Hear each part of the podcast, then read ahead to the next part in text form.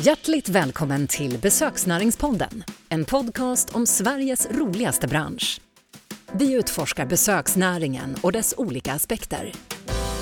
Här möter vi entreprenörer, profiler och branschledare för att få deras personliga insikter om aktuella trender, utmaningar och möjligheter inom besöksnäringen. Bakom mikrofonen hittar ni Niklas Ingvall som med sin breda erfarenhet från besöksnäringen leder de spännande mötena. Luta dig skönt tillbaka, för nu kör vi! Då säger jag hjärtligt välkommen till Besöksnäringspodden till Lotta Gisenfeldt Boman. Så jag rätt nu i efternamnet? Ja, Gisenfeldt. Ja, det är bättre. ja, jag är helt Eh, rätt. vi är ute på fina Sigtunahöjden som du är vd och ägare till. Mm. Jag tänker första frågan, placera Sigtunahöjden på kartan så vi vet var vi befinner oss någonstans. Ja, vi befinner oss på en höjd i Sigtuna, Yes. brukar man säga. Men eh, det är inte alla som känner till Sigtuna heller. Men Nej. Sigtuna ligger ju liksom strategiskt eh, nära, mellan kan man säga, Stockholm och Uppsala egentligen. Eh, och Sigtuna som stad tycker jag är, oavsett vem man är, var man kommer ifrån, kan man ha lite anspråk på Sigtuna. För det var ju faktiskt Sveriges första stad. Och där ligger Sigtunahöjden väldigt vackert på, eh, längst västerut i, i staden så att säga. Det. Och det är ju väldigt, fortfarande väldigt, det grundades som en strategisk plats och eh, det är ju fortfarande till viss del en väldigt strategisk plats. Mm. Mm. Mm. På vilket sätt tänker du strate- strategisk? Nej, men man brukar ju prata om vad som är eh, det viktigaste med en plats. Vad är det som gör att man vill åka dit till exempel? Och då är det ju så här, vi kan ju vara jätteduktiga på alla möjliga saker. Men om inte läget är det rätta, då spelar det kanske inte så stor roll hur duktiga vi är, utan det är ju läget, läget, läget.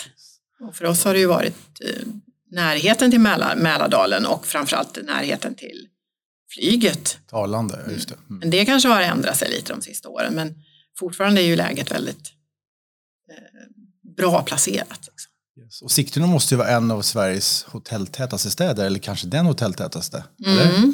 Mm. Du har många kollegor i, i Ja, det har jag. Men nu har inte jag de sista siffrorna eh, för att ja, vi kan ju inte bara skaka av oss pandemin. Den, är, den hänger ju lite som ett ok över oss fortfarande och vi lever liksom lite i bakvattnet av det men ändå orkar titta framåt nu. Men innan pandemin, då var ju siffrorna, då, då var ju Sigtuna Sveriges fjärde hotellkommun efter de tre stora städerna Stockholm, alltså antal gästnätter pratar man om. Göteborg och Malmö. Ja. Ja. Och det är ju, många kan ju säga att det är tack vare Arlanda, absolut, men även om man tar bort Arlanda-hotellen så är det ju alla vi runt omkring då, väldigt mycket mötesanläggningar här eh, som genererar otroligt många gästnätter. Så det ska man påminna sig om. Det är en viktig, en viktig näring för kommunen inte minst. Och då, ja, i förlängningen, vilka som jobbar här och varifrån man, var man kan bo och hur man försörjer sig och ja, massor med saker. Men ni har väl jobbat också väldigt aktivt som destination, att marknadsföra destinationen Sigtuna? Tillsammans, Ja. kollegor emellan så att säga. Ja, det, det är ju så att destination Sigtuna, om man säger så, är ju en destination, en plats för möten, absolut. Och eh, som du sa om många hotell och så vidare. Men eh, fortfarande är ju Sigtuna, baksidan med, med att ligga mellan Stockholm och Uppsala är ju lite att man blir sin egen lilla stad. Och man kanske försvinner lite i bruset av Stockholm och, och man har inte riktigt en en lokaltidning eller en förankring till orten på det sättet så att man måste liksom hävda sig lite. Vi ligger i Uppland men vi tillhör Stockholmsregionen Mm. Eh, och då, då, har, då har vi liksom lite anspråk både på Uppsala och Stockholm men hamnar liksom lite mitt emellan också. Så att det kan vara lite eh, fundera, ja, det kan man ju fundera lite på. Men eh, en gäst eller en besökare tänker ju aldrig på om hen är i Uppsala-regionen eller i Stockholmsregionen utan man, man är ju på den här platsen och då, då spelar ju det här kommungränser och länsgränser mindre roll tycker jag. Men eh, det kan ju spela roll på ett liksom beslutande eh, nivå och så vidare. Men det här samarbetet mellan olika hotellen och konferensanläggningar, är det, är det fortfarande aktivt eller jobbar ni med det?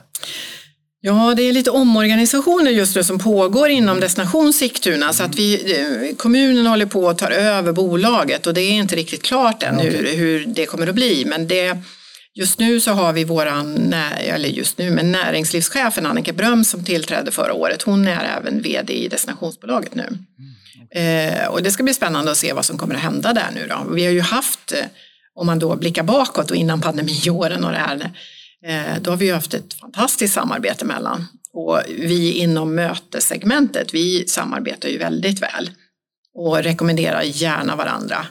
Eh, och då är det inte det här med konkurrensen är inte, eh, inte är särskilt besvärlig alls utan det gynnar ju kunden och det gynnar oss själva och kan inte vi ta emot så är det väldigt mycket trevligare att man håller sig kvar på destinationen och väljer en annan anläggning och då är det ju chansen ganska stor att man kommer till oss nästa gång istället.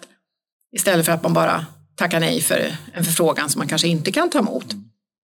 Och vi känner ju varandra väldigt väl och jag skulle också säga att tack vare den konkurrensen som har varit genom åren så har vi också utvecklat oss lite åt olika håll. Vi har lite olika inriktningar och lite olika stil. Och, vilket gör det också intressant och spännande för, för gästerna tycker jag. Kompletterar varandra mer. Ja, mm. det tror jag. Både i storlek och, eh, och inriktning lite och hur man tänker. Sådär. Mm. En sak, jag har haft förmånen att få vara här ett par gånger och komma mm. hit som gäst. Och en sak som alltid slår mig när jag kommer hit är att man får väldigt bra bemötande i receptionen. Mm. För att har ni ingen reception, ni har liksom som en öppen yta med ett mm. par bord och där står alltid ett par ja. väldigt glada medarbetare. Hur, hur lyckas vi, du och ditt team det här? Vi kallar det för en guest service, mm. guest service-yta. Det är svårt det där när man ska blanda engelska uttryck med svenska, ja. men det, guest service känns ju lite mer inbjudande än en mm. reception. En reception känns ganska slutet. Och jag tror det det är många ord och uttryck i våran bransch som vi kanske måste på något sätt eh, förnya eh, med tiden för att det, det signalerar inte riktigt det vi är idag. Men eh, vi fick ju möjlighet för några år sedan att bygga om hela anläggningen beroende på en skada. Och då kunde vi ju ändra just det här gästmottagandet. Och jag nämner det nu lite för att du frågar just hur vi lyckas vara så trevliga kanske, men, men det bidrar, alltså ibland kan man, måste man ta till eh, man måste bygga om för att kunna jobba på ett annorlunda sätt. Man kan inte bara säga till att nu ska ni vara extra trevliga eller nu ska ni vara extra, det vill ju alla vara.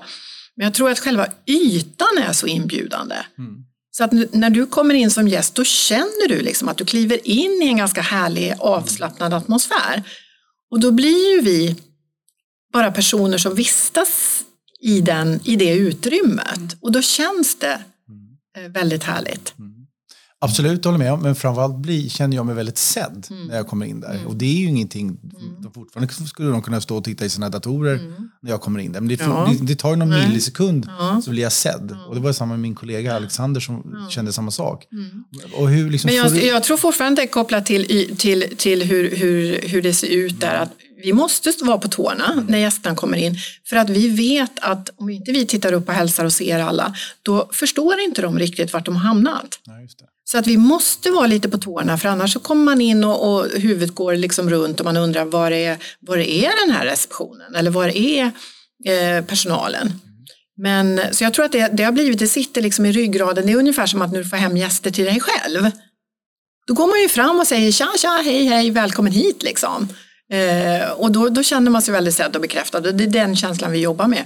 Och det är klart att vi pratar ju om det här mm. jättemycket, att vi ska se gästen, se gästen. Mm. Och jag menar det, det, det, det, lyfts hela tiden. Och det blir ju liksom som ett självspelande piano också. Ser man gästen och gästen känner sig sedd och blir glad, då blir ju vi glada och tycker det är jätteroligt också. Så det blir en positiv spiral? Det är verkligen. Mm. Du var inne lite på det, det här med historiken för bolaget och för anläggningen. Och det var väl en stor brand för några år sedan? Det ja, det är faktiskt exakt tio år sedan mm. i år. Det känns så ofattbart länge sedan, men ändå inte. Men eh, det var 13, 2013 som det hände. Mm. Och det är klart att det har vi lagt bakom oss nu, men, men för att kunna titta framåt och förstå och, och reflektera lite över hur vi gör och på vilket sätt vi jobbar så, så är ju det faktiskt kopplat väldigt mycket till den stora branden som var när hela huvudbyggnaden egentligen brann ner. Eh, och då fick vi ju, ja, ja, o, utan att vi valde det själva på ett sätt, fick vi ju möjligheten att bygga upp anläggningen igen tack vare då eh, bra försäkringar och ordentligt eh, ordning och reda på saker och ting. Och, när, när, vi valde att bygga upp igen, då ville vi bygga upp det så att vi skulle kunna jobba på det här nya sättet. För redan då var vi inne på de här tankarna. Hur kan vi jobba närmare gästen? För det kändes liksom redan då att det här med reception och över disk börjar kännas gammeldags. Att det är inte så man vill bli bemött längre. Och då kan ju du tänka Niklas, för när man börjar checka in sig själv på flyget. Mm. Det är ju ingen som saknar att man inte blir incheckad av någon eller behöver stå i den här kön. Och, och, det är lite det där, precis. Det där lite som axel till axel, liksom hur står man bredvid varandra och pratar, då blir det en helt annan känsla. Mm. Så att vi tog avstamp där. Mm. Och byggde upp huset på det sättet. Så det är ju inte bara i våran entréyta det ser ut så. Det är ju även så i restaurangen till viss del runt bufféerna och köket öppet och så vidare. Så att vi har med oss den känslan hela vägen. Mm. Om vi tar med oss innan branden och liksom historiken bakåt och fram tills idag. Hur, hur ser den ut för bolaget? Ja, alltså Sigtunahöjden är ju en av de här anläggningarna som du sa också som Sigtuna är känt för. Det är ju många mötesplatser som har funnits väldigt länge här. Eh, Sigtuna byggd, jag menar, när, st när staden utvecklades, man går tillbaka hund, ja, ska säga, början på 1900-talet och, och, man byggde upp Sigtuna stiftelsen och man byggde eh, kommunskolan för Sveriges kommuner och kyrkan hade sin eh, utbildning och så vidare. Eh, så byggdes ju Sigtunahöjden 1970 ursprungligen och som eh, eh, de statliga verkens eh, utbildnings eller konferenskursgård hette det ju då. Så de flesta som har jobbat inom statlig förvaltning har ju gått på utbildning här under framförallt 70, 80, 90-talet. Så att det, det, finns ju en lång historia och, det, mm. och då kommer vi in på liksom hela Sveriges historia, möteshistoria som faktiskt väldigt få pratar om tycker jag. Jag tycker man kan lyfta det i olika sammanhang. Liksom, vad beror det på att Sverige är så duktiga på att konferera? Eller vad är det som gör att företag är så duktiga på att boka konferenser? Och det tror jag man måste liksom lägga i det här historiska perspektivet som du var inne på. Att många anläggningar, många, många platser byggdes en gång för utbildning av en organisation eller stat, statlig förvaltning. Fackförening, du vet alla hade sina egna på den tiden. Mm. Och man hade sina internutbildningar. Och, eh, Systembolaget har väl kvar så fortfarande tror jag. Ja. Så att det finns ju kvar men, men väldigt många av de här anläggningarna såldes ju bort på 90, 90-talet och 00-talet. Eh, och togs över i privat regi utav flera stycken. Eh, eller utav någon kedja och så vidare. Men det är kanske lite vanligare beslutet. Så att, eh, det har ju gjort att när man skulle åka på kurs och utbildning förr, då låg man ju på internat och var borta flera dagar och var på kurs och så här. Och jag tror att det, det har vi ärvt liksom. Vi kanske har föräldrar som har varit iväg, man har hört talas om det här och när det är dags för en själv liksom att boka konferens då vet man att ja, men då ska man inte kanske vara på ett cityhotell utan man kanske ska vara på en naturskön plats utanför stan där man får samla sitt gäng och hänga ihop och käka god middag och eh, teama ihop sig utan att alla springer iväg på stan på kvällarna. Som det kanske är i många utomlands. Mm. Där det funkar mer så kanske att man väljer ett större hotell någonstans och man, man ses över dagen och sen bor alla på olika hotell på natten. Så att där är vi lite unika faktiskt i Sverige och det, det vet jag också tack vare ett stort internationellt utbyte och nätverk som jag har där jag brukar vara med och lära mig om hur det fungerar där. Så att vi är lite unika på det sättet. Är det, Danskarna är det har lite... IACC det? Ja, det är det. Mm. Du är medlem där?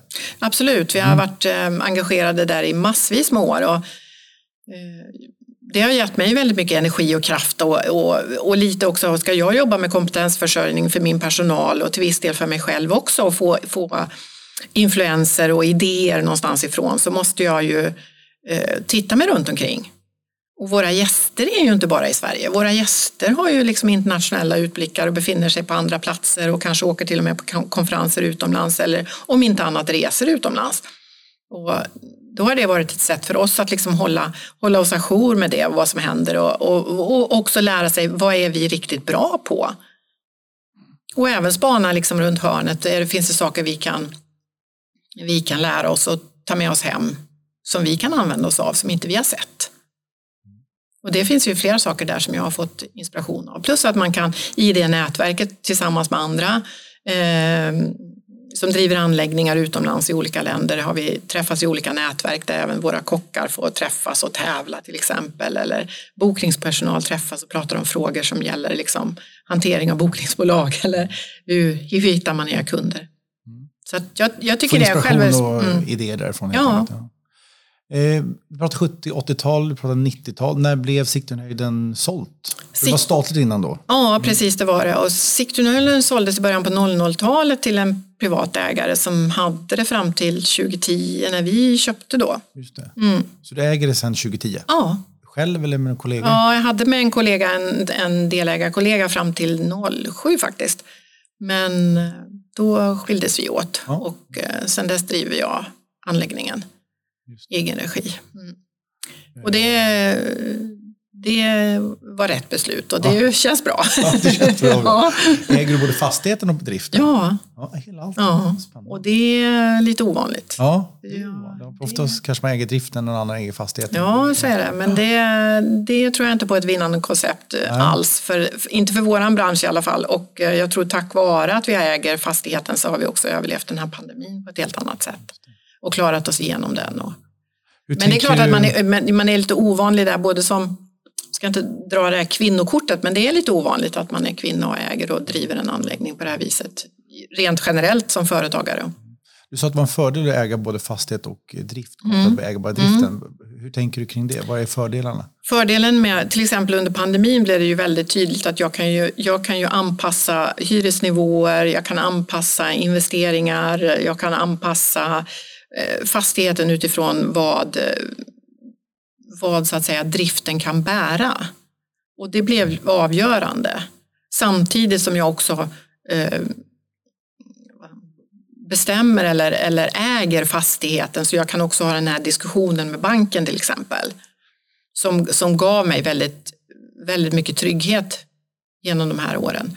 Eh, sen handlar det ju hela tiden om att man ska vara en en hållbar ägare såklart och ta hand, om, ta hand om sin fastighet och se till att den är i bra skick. Men just pandemiåren var det kanske inte de största investeringarna som man som privat ägare kunde göra. Vilket man kanske hade kunnat om man hade drift och fastighet via separata ägare. Men då, då, då äger man ju inte hela kedjan så att säga. Vilka förändringar gjorde ni under corona som finns kvar idag? Um, om det finns några? Ja, det, det, man kan säga är väl det just det, framförallt att vi fick se över vårt investeringsbehov. Vissa saker fick stå tillbaka som nu, som nu investeras i, vilket som är ganska bra nu när det är lite lugnare tempo på något sätt fast det ändå har kommit igång. Det är lite lurigt att säga det men, men nu har ju vi då som har klarat oss igenom, fortfarande har likviditet och så vidare. Nu är det ju läge att investera i fastighet och förändra och förbättra det som har stått tillbaka. Men det vi också fick göra under pandemin det var ju det eh, när man har personal varslad eller eh, vad heter det? Jag glömde bort ordet, inte varslad. Permitterade. Permitterade yes. heter det, ja. Herregud, ja. Eh, då får man ju anpassa lite mun efter matsäck. Vad kan man göra då istället och vad gör man när man är inne och inte har någonting att göra? Och på en sån här anläggning, det var det vi var mycket kritiska emot också under pandemin. Att det fungerar inte för vår bransch att vara permitterade för vi kan faktiskt göra saker även om vi inte har gäster. Vi kan ta hand om våra utrymmen, vi kan underhålla, jag kan låta eh, några måla en vägg eller eh, gräva i trädgården, eller på säga. kanske ett dåliga exempel men det finns saker att hitta på. och det har vi, håller vi kvar vid just nu för nu är det ju lite lugnare sportlovsveckor. Då har jag både serveringspersonal och till viss del kockar eller någon från receptionen som är ute och hjälper till att städa de dagar vi behöver. Så det är nytt, det kom liksom ja, till under corona? Ja, vi tänk, det pratar man ju om annars, man, man vill ha lite job rotation ja, sådär. Men det, men det är svårt att hinna med för att alla har, man har mycket att göra på alla avdelningar samtidigt. Men eh, det jobbar vi med nu mycket mer och tänker på att vi inte hyr in personal när vi inte behöver eller när vi klarar av det själva. Och det, det är sånt som också teamet kommer på nu. De själva tänker på det. Det kanske man inte gjorde tidigare. Man var så van att bli schemalagd eller någon talar om när man ska jobba och inte. Nu kan de själva säga, men vänta vi har lite lugnt nästa vecka. Kan inte vi gå ut och köra lite storstädning eller kan inte vi, ja. Eh, och, sen, och sen är vi faktiskt färre nu också. Vi var ju dryga 40 innan och nu är vi drygt 30 istället. Så att, och det märks också att man har lärt sig, tror jag, att bli lite mer effektiv. Man jobbar på ett annat sätt. Vi har liksom smort ihop eh, avdelningarna på något sätt. Så att man känner sig, jag tror man känner sig lite mer som ett, ett team nu. Och att de här barriärerna har man liksom fått ner. Så att man, man hjälps åt, hela gänget hjälps åt. Det är vårt, det är vårt eh, mål att det ska gå bra. Liksom. Lite som vi klarade oss igenom pandemin. Eh, vi har lyckats, liksom. då vill vi fortsätta lyckas. Så att den känner jag ganska... Med en större ja, teamkänsla, ja, ja, sammansvetsat Ja, och det konstiga med det är ju att det har ändå kommit till en hel del nyanställda sista halvåret eller sen i somras kan man säga. Men då har vi också jobbat extremt mycket med kulturbygge, eh, internutbilda. För det är ju så lätt för oss som har gått här genom pandemin eller gått här i flera år. Eller du hörde att jag köpt, eller vi köpte det här 2010. Men det är ju några år nu och då klart att om vi gamlingar, eller vad ska jag säga, går runt här och, och, bara tar för givet att så här jobbar vi på Sigtunahöjden men aldrig öppnar munnen och berättar för de nya om hur det är eller vad vi har för förväntningar. För det är ju det är ju både liksom att du har förväntningar på dig men du har ju även skyldigheter. Och de försöker jag vara väldigt tydlig med och eh, att, att alla känner till det, att vi har liksom samlar ihop oss så att man förstår det. Så att man inte går runt här och är nyanställd och tänker att ja men här gör man väl så här kanske. Det ska vara... En tydlighet. Mm. Mm. Och det har blivit väldigt, väldigt viktigt också. Både genom hela pandemin och tala om och vara transparent om vad, vad, vad är det som händer, vad är det som pågår så att man också ska känna att man är trygg på sin arbetsplats och inte går omkring och blir rädd. Är det jag som är varslad nästa gång eller är det jag som blir permitterad eller vad händer nu? Finns det ens pengar kvar i företaget? Jag jobbar för en privat företagare. Hur tryggt är det? Jag kanske ska söka mig till någon stor hotelljätte men det kanske var många som insåg att de stora hotelljättarna var inte helt trygga heller under pandemin. För där är det snabbare beslut och kanske man skär hårdare, fortare för att man kan skala upp snabbare också. Men för mig som privatägare måste jag ju värna min, jag vill värna min personal. Jag vill känna, att de ska känna att det är en trygg och hållbar arbetsplats i både med och motgång. Och då måste man ju vara väldigt tydlig och väldigt eh, transparent. Det tänker jag skapar teamkänsla också, att man får vara med om den verkligen. tuffa perioden och ja. kommit ut på andra ja. sidan. Och på tal om det, nu är vi ute på andra sidan efter, efter pandemin. Ett år har gått sedan de sista restriktionerna släpptes. Mm. Hur skulle du beskriva nuläget för företaget idag? Nuläget ser väldigt bra ut det är väldigt gott. Alltså det känns, jag sover väldigt gott om natten. Skönt. Eh, och nu har jag ju varit med så länge i den här branschen så jag har ju varit med om upp och nedgångar förr. Och senast skulle jag säga att det var någonstans runt 09 som det var kännbart kanske. Det har ju varit otroligt många goda år faktiskt. Men det man, det man kan känna igen sig då, för det är ju många nu som jobbar i branschen som aldrig har varit med om en, en nedgång utan de, man är lite chockad och oj då kan det vara så här också. Eh, och då är, då är det ju det bästa med att vara äldre, att man har de här erfarenheterna i sitt bagage och kan plocka fram att ja, men, vet ni, jag är inte så orolig för den här lågkonjunkturen. Ja, det är klart det är jobbigt att råvarupriserna går upp och det är jobbigt att räntan höjs och så vidare. Men vi har gäster som kommer. Det finns liksom en, en kundkategori som alltid behöver utbilda sig och nu efter pandemiåren så finns det ett stort behov av mängder med utbildningar som inte är gjorda och att man behöver träffas. Och, jag menar, stat, äh, inte minst statlig och offentlig förvaltning kanske. Det måste, rektorer måste utbildas, polisen måste utbildas och så vidare och så vidare. Och då kanske det är de som tar plats nu igen och då blir det ganska tryggt och då är de här eh, jätteföretagsfesterna som, som rusade både hösten 21 och 22 eh, det är lite mer dämpat nu, lite lugnare. Det märker ni av? Absolut. Mm.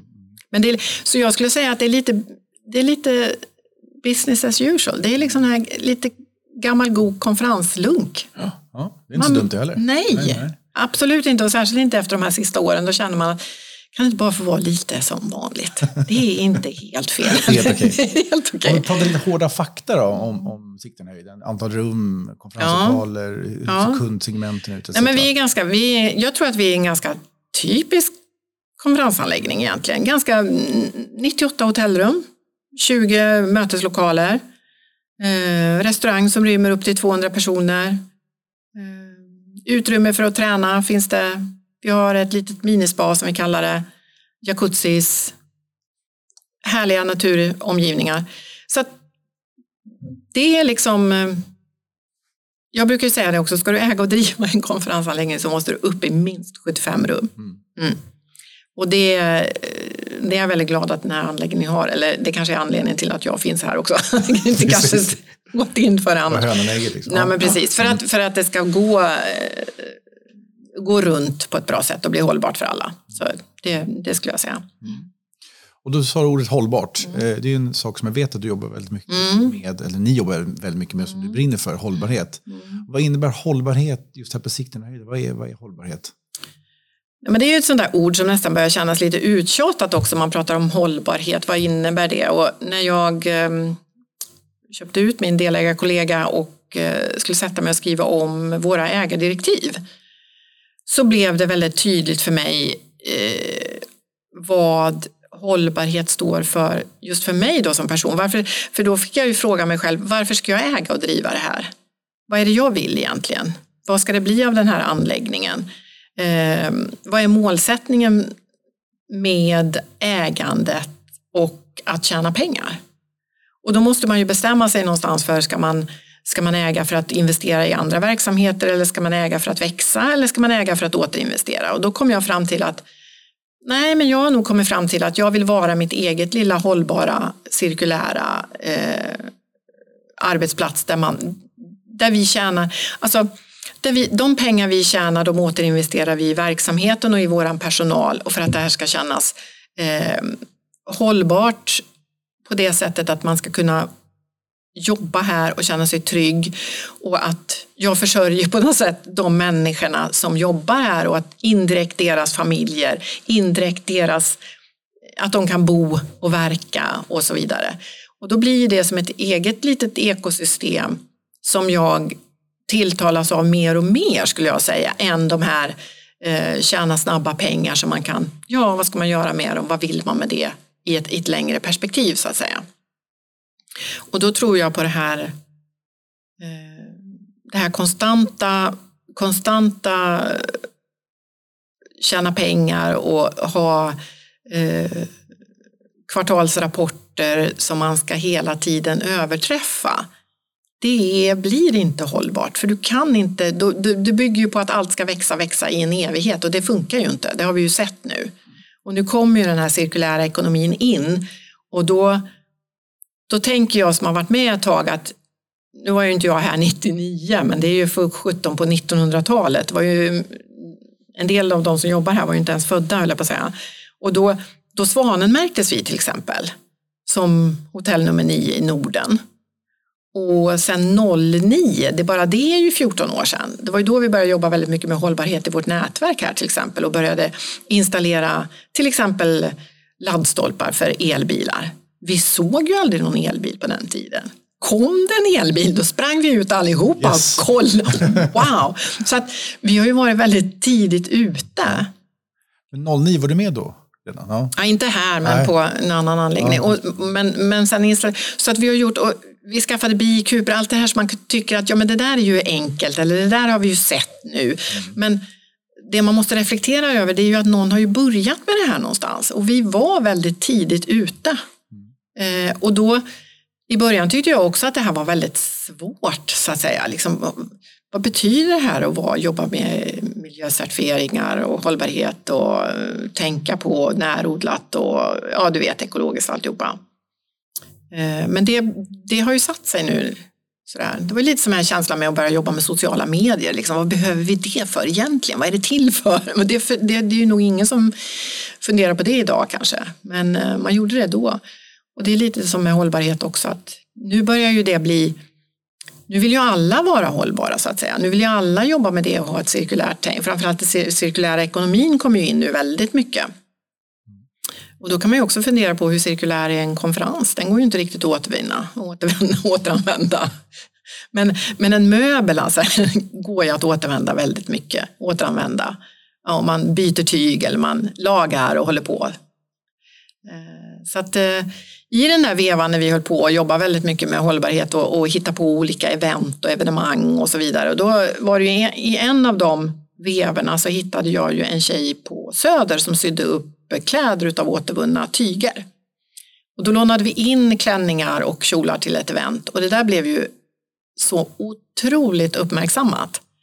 Så då gav det mig en väldigt tydlig eh, väldigt ty alltså jag fick en väldigt tydlig syn för att du måste synliggöra det du gör. Du kan snacka hållbarhet och det låter fint och luddigt. Men vad är det på riktigt?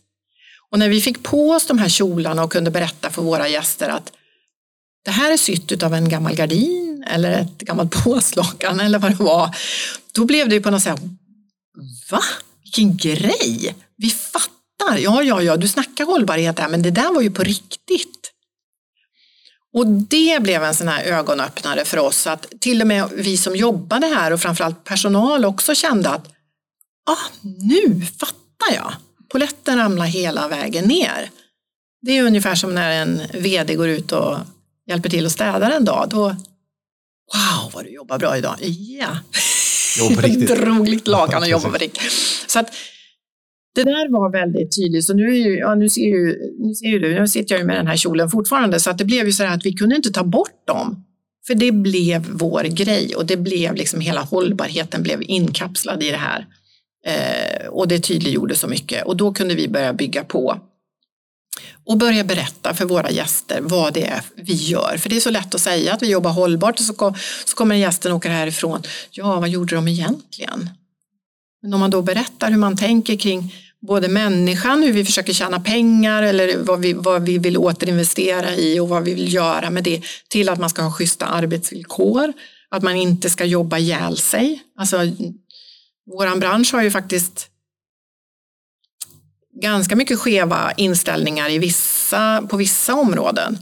När man förväntar sig kanske att maten ska vara helt korrekt och perfekt och närodlad och grisen ska ha mått bra ända tills han låg på tallriken. Men kocken i köket, kocken i köket är det ingen som riktigt frågar om hur länge han har, hur länge han har jobbat för att laga ihop den här grisen.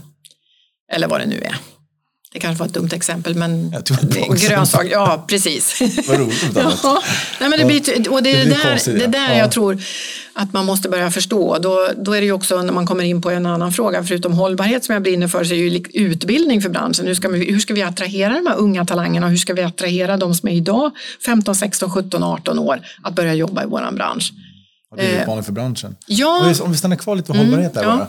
Eh, hur märker jag som konferensgäst här liksom konkret att det här är en anläggning som jobbar med hållbarhet? Förutom att ni berättar om saker ni gör, men är det någonting mm. i upplevelsen eller liksom i leveransen som, som, är, som, mm. som märks? Mm. Jag tror att vi har ju beskrivit det här väldigt bra på vår hemsida, hur vi jobbar med de globala målen till exempel. Men jag tror att det som man märker när man kommer hit, är, förutom våra arbetskläder, som många reagerar på, ställer frågor, oj vilken härlig, ja, kommenterar det. Eh, det handlar ju också om eh, hur vi jobbar med våra menyer, hur vi jobbar med eh, säsong, hur vi jobbar med matsvinn till exempel. Vi pratar väldigt mycket om det också så att gästen får det med sig. Hur vi lägger upp maten på tallrikarna, hur vi jobbar med buffén på frukost och lunch och hur vi serverar maten på kvällen och hur man kanske lägger till en extra ska man säga, karott eller gryta liksom för att stötta upp om det är så att man tycker att portionerna är lite mindre. Eh, så det är väl det man kan tydligt se, men det är ju inte alltid att gästen fortfarande inte tänker på varför vi har gjort det. Varför är tallriken liksom 23 centimeter bred och inte 38 eller vad den kan vara. Eller varför är, varför är det många små uppläggningsfat istället för ett stort till exempel. Men det handlar ju om att man vill fylla på oftare och mindre och sådär. Finns, ja, sen har vi ju inte vi bär, vi bär inget vatten till exempel. Det får gästen bära själv och hämta på vattenstationerna i konferenskorridoren här till exempel utanför mig. Så att vi håller inte på med det, häller upp en massa vatten och bär in och ut i lokaler som, där man kanske får kasta hälften eller det går inte åt eller vad det nu kan vara. Eller. Eh, och vill man ha det i övrigt får man beställa det utav oss och betala för det också. Så det är inte bara, det, det bara kommer inte hur som helst.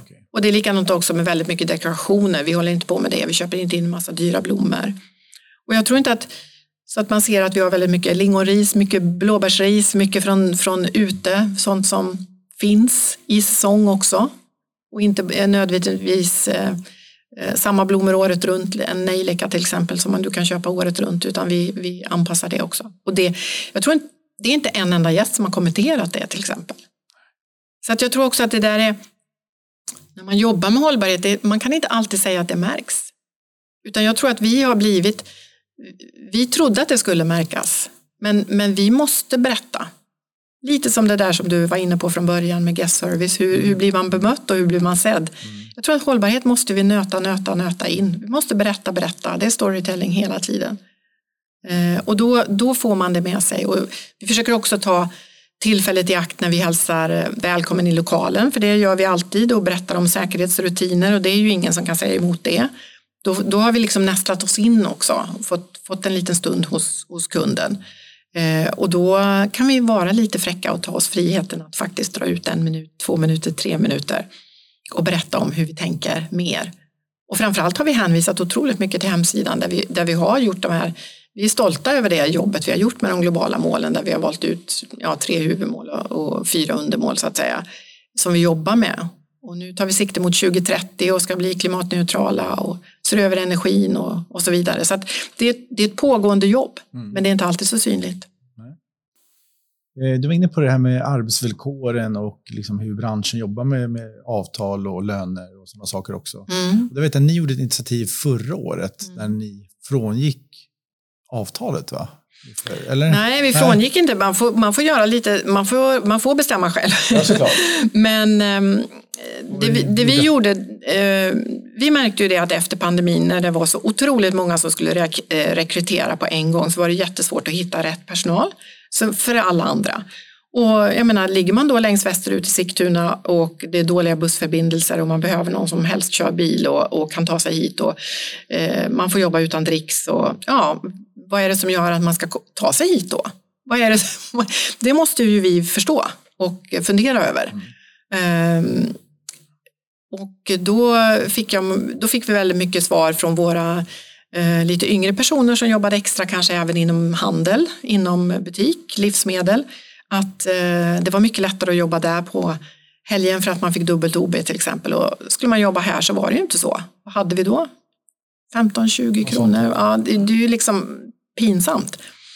Och det här är ju ändå duktiga människor som måste hantera våra gäster och förstå vad man gör och så vidare. Så att då tittar man, jag mig lite i spegeln också och funderade över vad kan jag göra då? Om jag vill ha in den här personen som ska jobba, ja jag får ju matcha den lönen då. Då måste jag ju ha samma OB som man har när man går till, till ICA Konsum eller var man jobbar. Och hur svårt är det? Det är ju inte särskilt svårt. Det är bara att göra och jag behöver faktiskt inte fråga någon om lov. Nej, nej. jag kan bestämma själv. Rätt håll också, jag kan bestämma ja, själv. Dessutom. Och, och, och det är klart att det där är ju att sticka ut näsan och man kan ju säga jaha, förstör jag för hela branschen nu då? Nej, för att om inte jag hade fått in den här personen då måste jag ju få in den någon annanstans ifrån. Och vad gör man då? Mm. Ja, jag måste jobba med restaurang, någon bemanningsfirma eller någonting och då, är, då är, kostar, också kostar det också pengar. Så att jag tror att det där är och framförallt är det ju också så att jag vill ju uppmuntra min egen personal eller de som är ordinarie här att orka och vilja jobba ett helgpass också. Och nu går det ju väldigt mycket upp och ner med våran helgbemanning. Som i höstas hade vi otroligt mycket helger och nu har vi väldigt lite. Men då ska man ju också känna att det är lönsamt att gå in och ta den här helgen när man har jobbat en hel vecka kanske. Så att det där är ju, det blev väldigt uppskattat. Och jag kommer inte att gå tillbaka, utan det, den förändringen är gjord nu. Jag vet att du är engagerad i Visita. Mm. Visita ska vi säga, det är en bransch... Det är vår branschorganisation, ja, precis. Och arbe arbetsgivarorganisation precis. också. Jag, ja. ja. jag sitter i um, Visita Stockholms styrelse. Vad får du för reaktioner från dina kollegor i Visita när du berättar om det här initiativet? Nej, men jag får väldigt blandade reaktioner. En del, en del tycker att det är lite jobbigt och en del tycker att ja, ah, fan, du har nog helt rätt. Det är nog så man måste göra.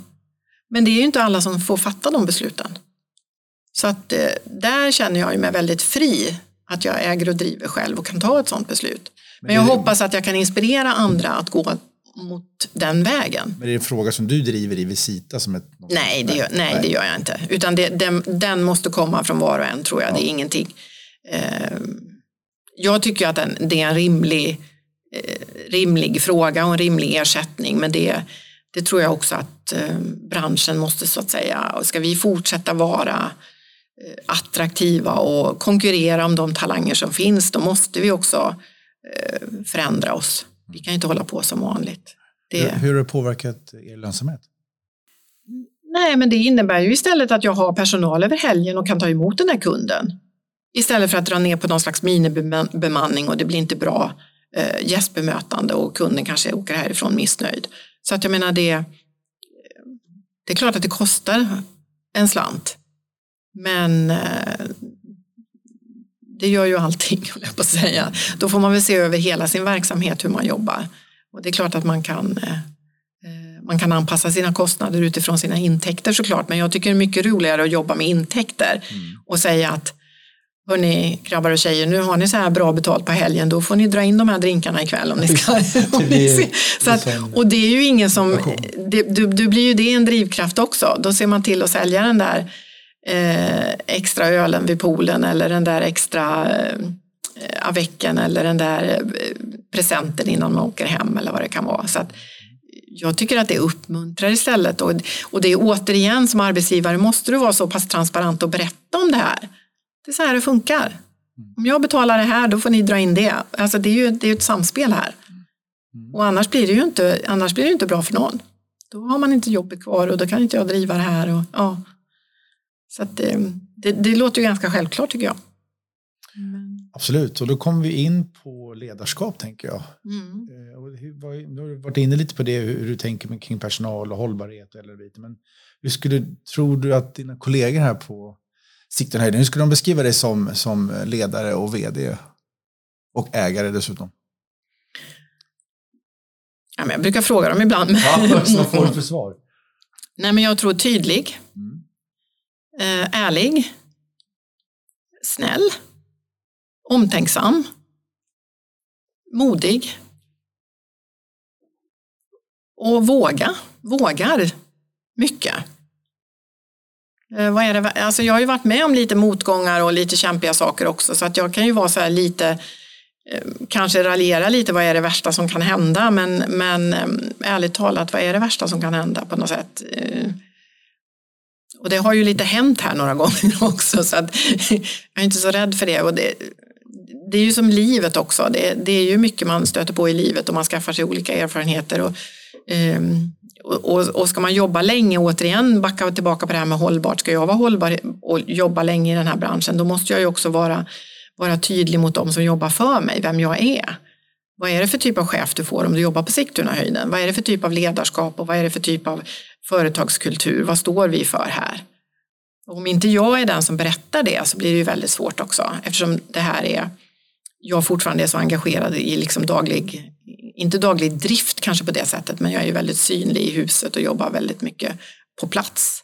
Jag sitter inte hemma och jobbar. Och, jag menar, eh, så, så, det tror jag, jag tror att många känner sig trygga.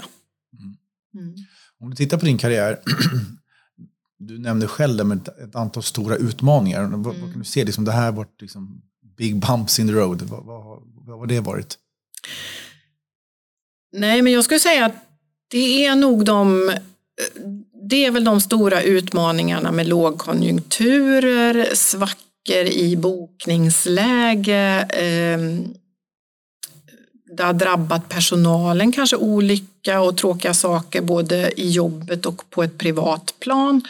Eh, och framförallt den här branden som vi drabbades av när liksom en hel anläggning brinner ner på tre timmar. Det blir ju väldigt mycket konstigt existentiella frågor man får ställa sig. Och sen, och sen den här pandemin då. Så att det är klart, jag skulle nog säga att ledarskap och att leda i medgång, det klarar nästan vem som helst skulle jag säga. Men att leda igenom motgång och svåra saker, det klarar inte alla. Och jag tror att min styrka är faktiskt att leda i, i motgång lite om vi pratar om motgången då, var kommer den styrkan och den kunskapen ifrån?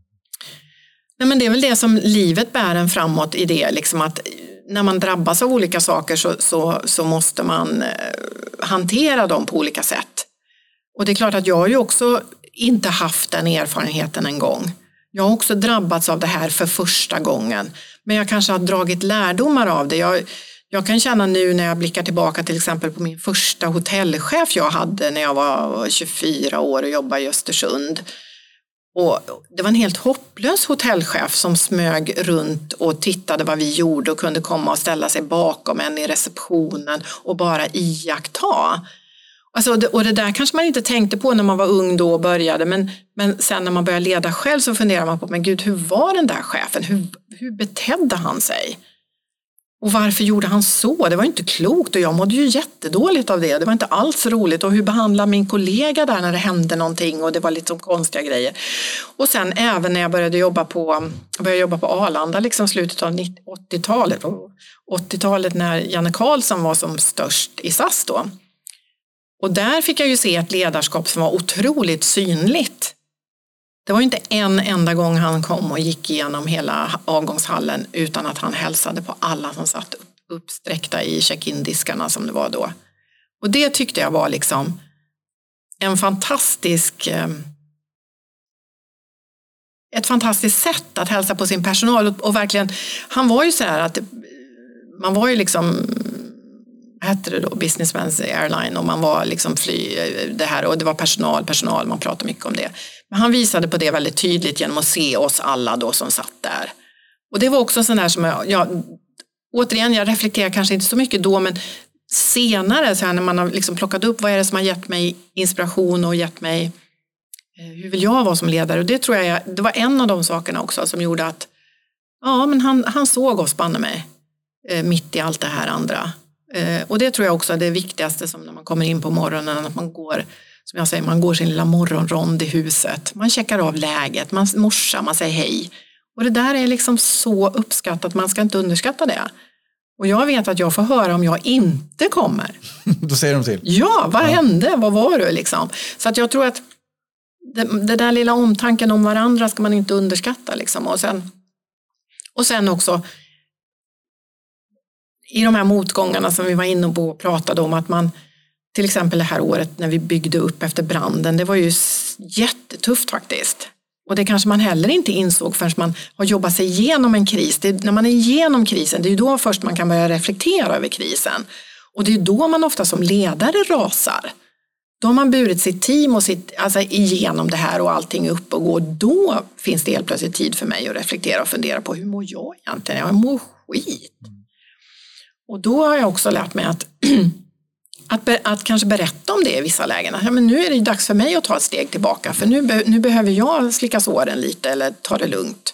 Berätta för din personal och ja, dina kollegor? Ja, precis. Vad får du för att reaktioner nu backar då? jag lite och då måste ni kliva fram. Ja, men det tror jag också är eh, det beror också väldigt mycket på vad man har för egna personliga erfarenheter och sånt här. Jag menar, det är precis som hur, man, hur man som mottagare tar emot det. Precis. Har du aldrig varit med om, om motgång eller, eller sorg, förlorat en nära anhörig till exempel, då är det väldigt svårt att relatera till det förrän man har varit med om det.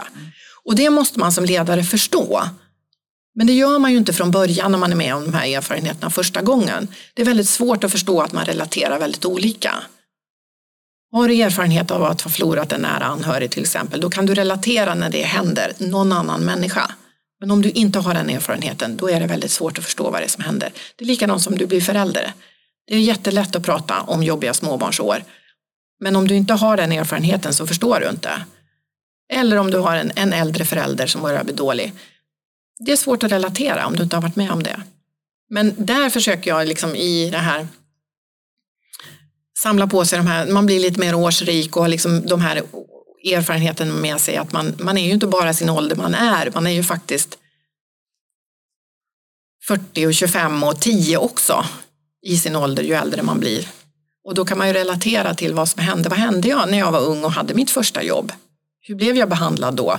Och då kan jag faktiskt relatera när jag pratar med Sofia som är eh, 20 i köket nu och tala om för henne att du, du ska se dig om i världen men du ska se till att har en riktigt bra chef och du ska tala om det här och du ska kräva det här och, eh, och skicka med dem lite livs eh, lifehacks, lite ja. livserfarenhet och det, där tror jag att det det delar jag med mig lite oavsett om man vill ha dem eller inte. De kommer på köpet. ja, de, ja, det är härligt. de får man ja. inte.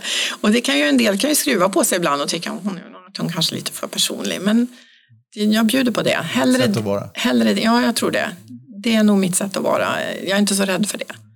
Och gå tillbaka till, du berättade lite om det med efter branden och då antar, man går, kan tänka mig går in i väldigt sån det här ska vi lösa, det ska byggas upp och sen så kommer mm. någon typ av reaktion mm. efteråt man, när man mår dåligt. Mm. Och du sa att du mådde dåligt då. Mm. Hur kom du ur den där dåliga perioden? Vad som gjorde att du kom tillbaks? Uh, och inte gav upp? För nej. det, alternativ fanns väl också? Absolut, men då är det ju så också, som chef ska man ju omge sig av bra chefer. Man ska ju ha bra eh, kollegor. Mm. Och eh, jag har ju några riktiga eh, trotjänare som har jobbat med mig väldigt länge. Lena är ju en sån. Mm, som jag har träffat också. Ja, absolut.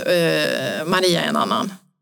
Och några till. Vi har ju jobbat länge ihop nu och lärt känna varandra så pass bra. Och det är ju inte alla förunnat att få sådana kollegor som blir man är ju så pass mycket på jobbet, man umgås så pass mycket så att man träffar ju nästan dem mer än man träffar sin egen familj i vissa perioder. Eh, och det där tror jag också är viktigt och jag tror någonstans har jag också under hela tiden jobbat väldigt mycket med delat ledarskap till exempel, att man delar ledarskapet för att det är ju, men jag bara kan göra en, oftast blir ju så en duktig kock, köksmästare kanske eller kökschef. Men han var ju en duktig kock. Han var ju duktig på att laga mat. Han var ju inte en duktig schemaläggare, inköpare eller eh, hålla eh, utvecklingssamtal. Det, det är ju inte, kommer ju inte självklart bara för att du lagar mat bra. Och där måste man ju kanske ibland komplettera varandra. Ja men okej, okay, då kanske vi ska vara eh, två stycken som har lite olika eh, kunskaper eller erfarenheter och så kompletterar vi tillsammans blir vi ju fantastiska då. Eh, och så tänk, tänker jag lite i olika eh, konstellationer. Att man har man någon mer. Mm, ja. ja. Och det har ju varit så, för det händer ju också på privata, man går igenom saker privat och ibland blir man lite, tycker det är tyngre att gå till jobbet då, eller vad man, är, vad man går igenom. Och då är det också viktigt att det finns någon, ja men ta hand om det nu du så, så tar jag över här på jobbet. Och det, det har ju varit avgörande för mig kan jag säga, att det har varit så. Också att man kan backa och att man då nästan talar om för varandra att du, nu ser jag att du behöver backa lite. Jag, även efter pandemin nu var tuffa år och, och, ja, jag blev sjuk förra sommaren till exempel också. Det var en, en grej som hände och den, den är utredd och klar nu men under tiden så var det också en jobbig period. Men eh, det var samma sak, då klev de fram och sa att gör det du ska. Och så kom jag in och jobbade det jag orkade och, och lyckades. För det, är ju, det, är, det blir också någon slags hållbarhet i det. Ska du orka länge för att det handlar inte heller om att du ska hoppa från jobb till jobb. Jag har jobbat länge med det här nu och tycker att det fortfarande är så otroligt kul att se människor växa och utvecklas i sina roller och sådär och vill fortfarande attrahera människor att, att söka sig till den här branschen. Men då måste man ju också kunna se till att livet pågår ju parallellt med ditt yrkesliv och då måste du i vissa perioder ha backning. Både hemma och på jobbet. Och var hittar du din kraft ifrån? Nu pratar om kollegor, men hur ser det ut privat? Och var, var hämtar du kraften där? Har du något ett sätt att göra det på? Ja, men jag, jag tycker ju väldigt alltså, det, det blir ju så här när man jobbar i så här socialt liv som jag har gjort. Det är också sånt man kanske inte har förstått förrän, förrän nu. nu. När man jobbar och träffar så otroligt mycket människor som vi gör i vår bransch. Då tror jag att vi är kanske inte alltid lika sociala privat. Utan vi är ganska tråkiga privat. Vi går hem och, och pysslar på liksom. Gräver i rabatten och vill helst inte träffa någon. Eh, så jag, jag, jag, kan säga att mitt, mitt privatliv det är inte att springa och vara, jag är inte inbokade helger i ett år framåt utan jag har en ganska tom agenda privat. Och det är just för att jag vill kunna vara spontan och kunna göra det som faller mig in och också känna efter hur mår jag nu? Hur mår jag den här helgen? Nej, jag känner inte för att träffa en enda människa för vi har haft fullt spätt hela veckan och vi hade en jobbig kund eller vi hade en fantastisk framgång med det här och då måste man hinna reflektera och det tror jag också att jag vågar på något sätt ta bort det. Jag känner inte att jag är så rädd för att missa någonting för jag får så otroligt mycket på jobbet. Du lider inte av FOMO? Nej, jag gör inte det. Jag gör verkligen inte det. Och eh, Sen kan man ju ibland behöva sparka på mig att jag borde kanske göra lite, lite mer saker men jag försöker balansera det och så har jag en ganska stor härlig familj och försöker umgås med dem och sen har jag ett fjällhus också så jag älskar ju att vara ute och, eh, och åka skidor. Det är ju liksom det. Och det, det är ju sånt, eh, försöka verkligen vara ute i naturen och samla kraft, för det är ju också det som är, det hela ju också i de här kriserna har gjort väldigt mycket. Oavsett vad det var via jobbet, pandemi, alltså gå ut och gå i skogen och andas, liksom. det hjälper ju vilken människa som helst. Det låter ju, det låter ju så enkelt, men så är det ju. Det är därför vi jobbar så mycket här med, med skogen och naturen och restaurangskog, skogsbad. så att det, blir, det liksom hänger ihop lite. Ja. Du nämnde i början på, när vi träffades här att, att uh, det här med kvinnligt ledarskap och att vara ägare och, och vd och kvinna. Mm. Ser du någon skillnad i manligt och kvinnligt ledarskap? Ja, det, det gör jag. Mm. Det gör jag. Det och jag, jag, värderar inte det. Jag säger inte att det, det ena är, är bättre eller sämre. Det finns för och nackdelar. Men jag tror, att, jag tror ändå att kvinnligt ledarskap är mer, är mer omtänksamt. Jag tror det. Och vilka utmaningar har du mött som kvinna? Då? Att bli ignorerad. Eller att inte bli tagen på allvar. Att inte, man tror ju inte att jag äger det här. Vad händer med dig då? Man frågar vem som är min chef. Vad händer med dig då när du blir ignorerad? Nej, ibland säger jag ingenting. Då låter jag dem bara tro. Ja, men tro det. Om du tror det så är det så. Så att jag är inte sån här som eh, kliver upp på barrikaden och skriker till då. Eh, det beror ju på i vilket sam sammanhang, men ofta så tycker jag att det är det är ju så oftast när jag är ute och nätverkar, inte kanske inte bland mina branschkollegor, men jag, är i olika, jag brukar vara med i andra nätverk också där jag träffar alla möjliga vd från olika branscher och så vidare och då är det ju otroligt mycket män. Men då är det ju så till exempel om du kommer in i ett rum med liksom 25 vd och 20 av dem är män och 5 är kvinnor. Då är det ju inte, nu ska jag raljera och utmana, då är det inte en enda man som tittar upp på mig och säger välkommen, kom, snacka lite. Men de fem kvinnorna gör ju det. Bjuder in dig? Ja. Mm. Och det är ju, det där har jag funderat lite på varför det är så. Mm. Uh, och det tror jag är liksom, och jag funderar på om det vore tvärtom. Om det var 20 kvinnor och fem män som kom in, om, det, om kvinnorna skulle behandla de här fem männen på samma sätt. Men jag tror inte det. Nej.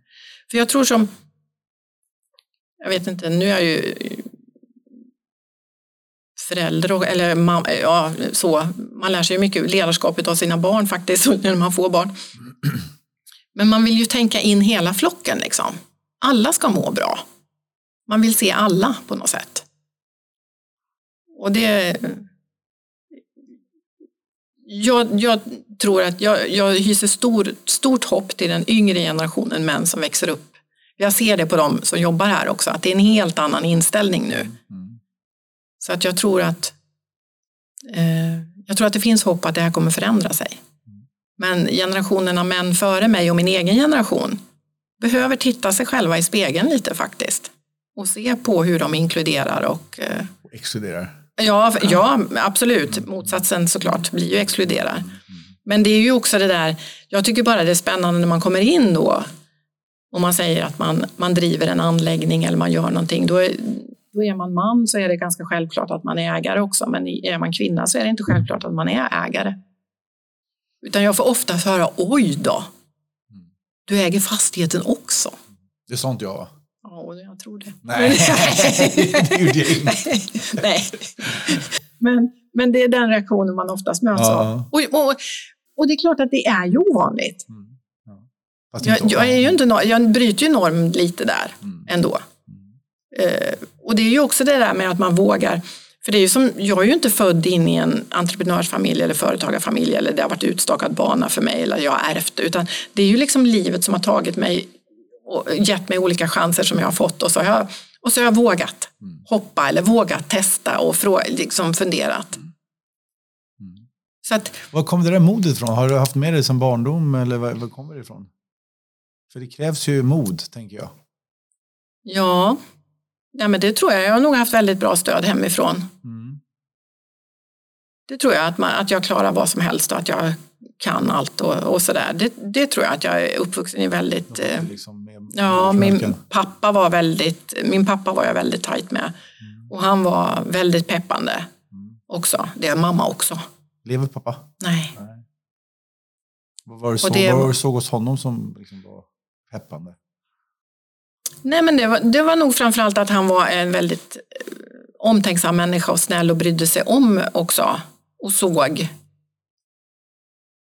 Och, och, och var väldigt ehm, eh, uppmuntrande. Men klart du ska göra det här, klart du klarar det. Och, så att man känner att eh, men det är också en och annan eh, Ja, det är ju också en del chefer som har, som har lyft den och, och peppat den, men det är, ju, det är ju till en viss nivå också. Sen när man börjar utmana, oftast männen, eh, då, då börjar man ju bli, då är man ju liksom, går man ju från up and coming till att bli utmana om, om makt och så. Det, är- det är ju en annan struktur då som man är inne och eh, tullar på. Liksom och, men det kan jag känna också i olika sammanhang när man är att eh, Många män tar för sig, pratar och väldigt högt och brett och, och, och fortsätter. Det är ju också det där intressanta när man frågar, man träffas i olika sammanhang, hur, hur oftast man pratar om sig själv eller hur ofta man ställer en fråga till den man träffar. Visar sig nyfiken på den. Eller om man står och orerar om sig själv. Det kan man ju också tänka på. Det är spännande. Verkligen. eh, vi har varit inne lite på det med förebilder. Du har nämnt Jan Karlsson, SAS-vdn. Du har pratat om din pappa. Mm, Andra ja. förebilder som, som, du, som du har? Nej, men eh, jag, jag brukar dra upp min farmor också. Ja. Och starka kvinnor, min mormor. Alltså äldre kvinnor i min familj har också varit så otroligt eh, eh, starka förebilder. Och, och min farmor tog med sig fem barn från Tyskland och flyttade till Sverige innan, innan kriget. För hon insåg att här kan jag inte vara kvar i Tyskland, det här blir galet. Liksom. Och då, henne kan jag tänka, hon, hon sa oftast gå fort, gå fort och le, gå fort och se glad ut, då klarar du det mesta. Och det är inte ett dumt råd. Nej. Gå fort och se glad ut, alltså, då tror ju folk att du har koll på läget. Eller hur? Pondus. Ja, och jag menar om hon klarade det i början på, liksom, i slutet på 30-talet i Sverige, liksom, förstår du hur länge sedan det var? Eh, Då brukar jag tänka på det, hur, svårt är mitt liv? Egentligen. Och då komma själv till Sverige och, och fostra fem barn själv. Och, ja, det, nej, det är helt otroligt. Och, så, så det är ju många som har gått före liksom och visat vägen. Eh, Men sen tror jag också väldigt mycket om, om när man träffar på dåligt ledarskap också, att man ibland kan ju man ser saker man inte gillar kan ju faktiskt lära en också hur man ska göra om man nu reflekterar över vad det är som, som är dåligt också. Och reagera på det, för en del kan ju bara trycka bort det och så, och så hukar man sig. Och så lär man sig ingenting av det. Men det var ju något sammanhang jag var på någon tillställning och då var det så här att vi var olika hotellchefer i det här rummet och liksom då skulle både en manlig kollega upp och prata och en kvinnlig kollega och då när den manliga kollegan presenterades då var det liksom hotelldirektören, direktören så här. Men när den kvinnliga kollegan skulle presenteras då var det en duktig tjej. Det är strukturer. Mm. Och, då, och då tror jag att de strukturerna måste man peka på berätta och prata om. Och det är klart att det, ja, och det är klart att man som kvinna ser och märker det. Men det måste man ju också som man se och lyssna på och faktiskt förändra. För Det är ju det som är så svårt, man tror att man liksom lyfter in en kvinna i en styrelse med åtta män så tror man att hon ska klara av att förändra 50 procent av befolkningens inställning. Men det funkar ju inte. Det är ju inte förrän det sitter 50 procent i rummet som det blir 50 procent som representerar. Ja. Och det där tror jag att man måste tänka på. Vi har till exempel i vårt kök här på Sigtunahöjden är ju vi hälften killar, hälften tjejer. Och det är ju väldigt få kök som ser ut så. Och då kan man ju fundera på varför ser det ut så hos oss? Är det ett medvetet val? Det är en jättebra fråga. För till slut, jag vet faktiskt inte. Det är klart att det är en medveten tanke att vi, ska, att vi, vi vill vara hälften hälften, absolut. Men jag har ju inte behövt välja för jag har ju haft duktiga tjejer som har sökt sig hit. Och duktiga killar. Och då blir det ju som att man väljer de bästa och då är det klart att det blir en bra mix. Men jag tror också att jag tänker lite kvotering. Alltså, ja, men nu behövs det en tjej eller en kille. Men det är klart att det, jag vet ju många som sitter på försäljningssidan, bokningssidan. Det är ju jättesvårt att hitta killar till de jobben. Mm. Det är också en fråga om hållbarhet tänker jag. Alltså, det är nog också mm. en hållbarhetsfråga. Mm. Om man har liksom mm. blandade arbetsgrupper. Men blandade arbetsgrupper märker jag, alltså det är jätte, jätte, jättebra. Mm. Det är det bästa. Och framförallt kök och restaurang, nu har vi ju egentligen bara killar nästan. Det är ju också spännande. Vi börjar närma oss slutet på det här samtalet. Mm. Och jag skulle ställa en sista fråga eh, som handlar om vad man kallar för framgång eller ja, yrkesmässig framgång. Liksom, vad är dina bästa tips för att lyckas med, sin, med det man företar sig? Ja, alltså, man ska ha lite tur också. tur men, bra. Men, ja. men man ska vara tydlig tycker jag. Mm. Alltså, det är ingen som börjar jobba här som inte får veta att jag vill att man ska tävla. Nej. Till exempel om man jobbar som kock. Vi har haft jättemycket framgångar på kocksidan med olika vinnare i olika sammanhang. Inte minst i Copperskillet via IACC då internationellt med Sofie som vann världsfinalen. Tillsammans med bara manliga kockar i Las Vegas i maj. Det är ju hur stort som helst. Mm. Men det är klart att om jag peppar och, och, och, uttalar det från början, då vet man ju det. Det är tydligt när man kommer hit. Och då förväntar man sig det och då blir det helt plötsligt det där köket blir ett vinnande kök. Det blir lite som ett, som ett väldigt bra hockeylag då, Färjestad BK från Kosta. Man får en vinnarkultur liksom. Och då, och då, då, då, är, då sitter det i väggarna. Så att, och då behöver man ju en coach som är peppig och uttalar det. Så jag tror att man måste våga satsa och våga tro på vissa saker. Och det är likadant som att vara en röst, eller jag har ju under pandemin brusat igenom lite besöksnärings, det här att man sätter upp lite mål. men jag, jag måste bryta igenom, jag måste, gör ingen annan det nu under pandemin så säger jag det. Att det här är jobbigt eller inte. Så jag tror att våga och se vad som händer. Ingen kommer ihåg ett misstag men alla, alla ser ju ett, ett, när, det, när det går bra. Och sen satsa på att vinna en massa priser, det är ju jätteroligt.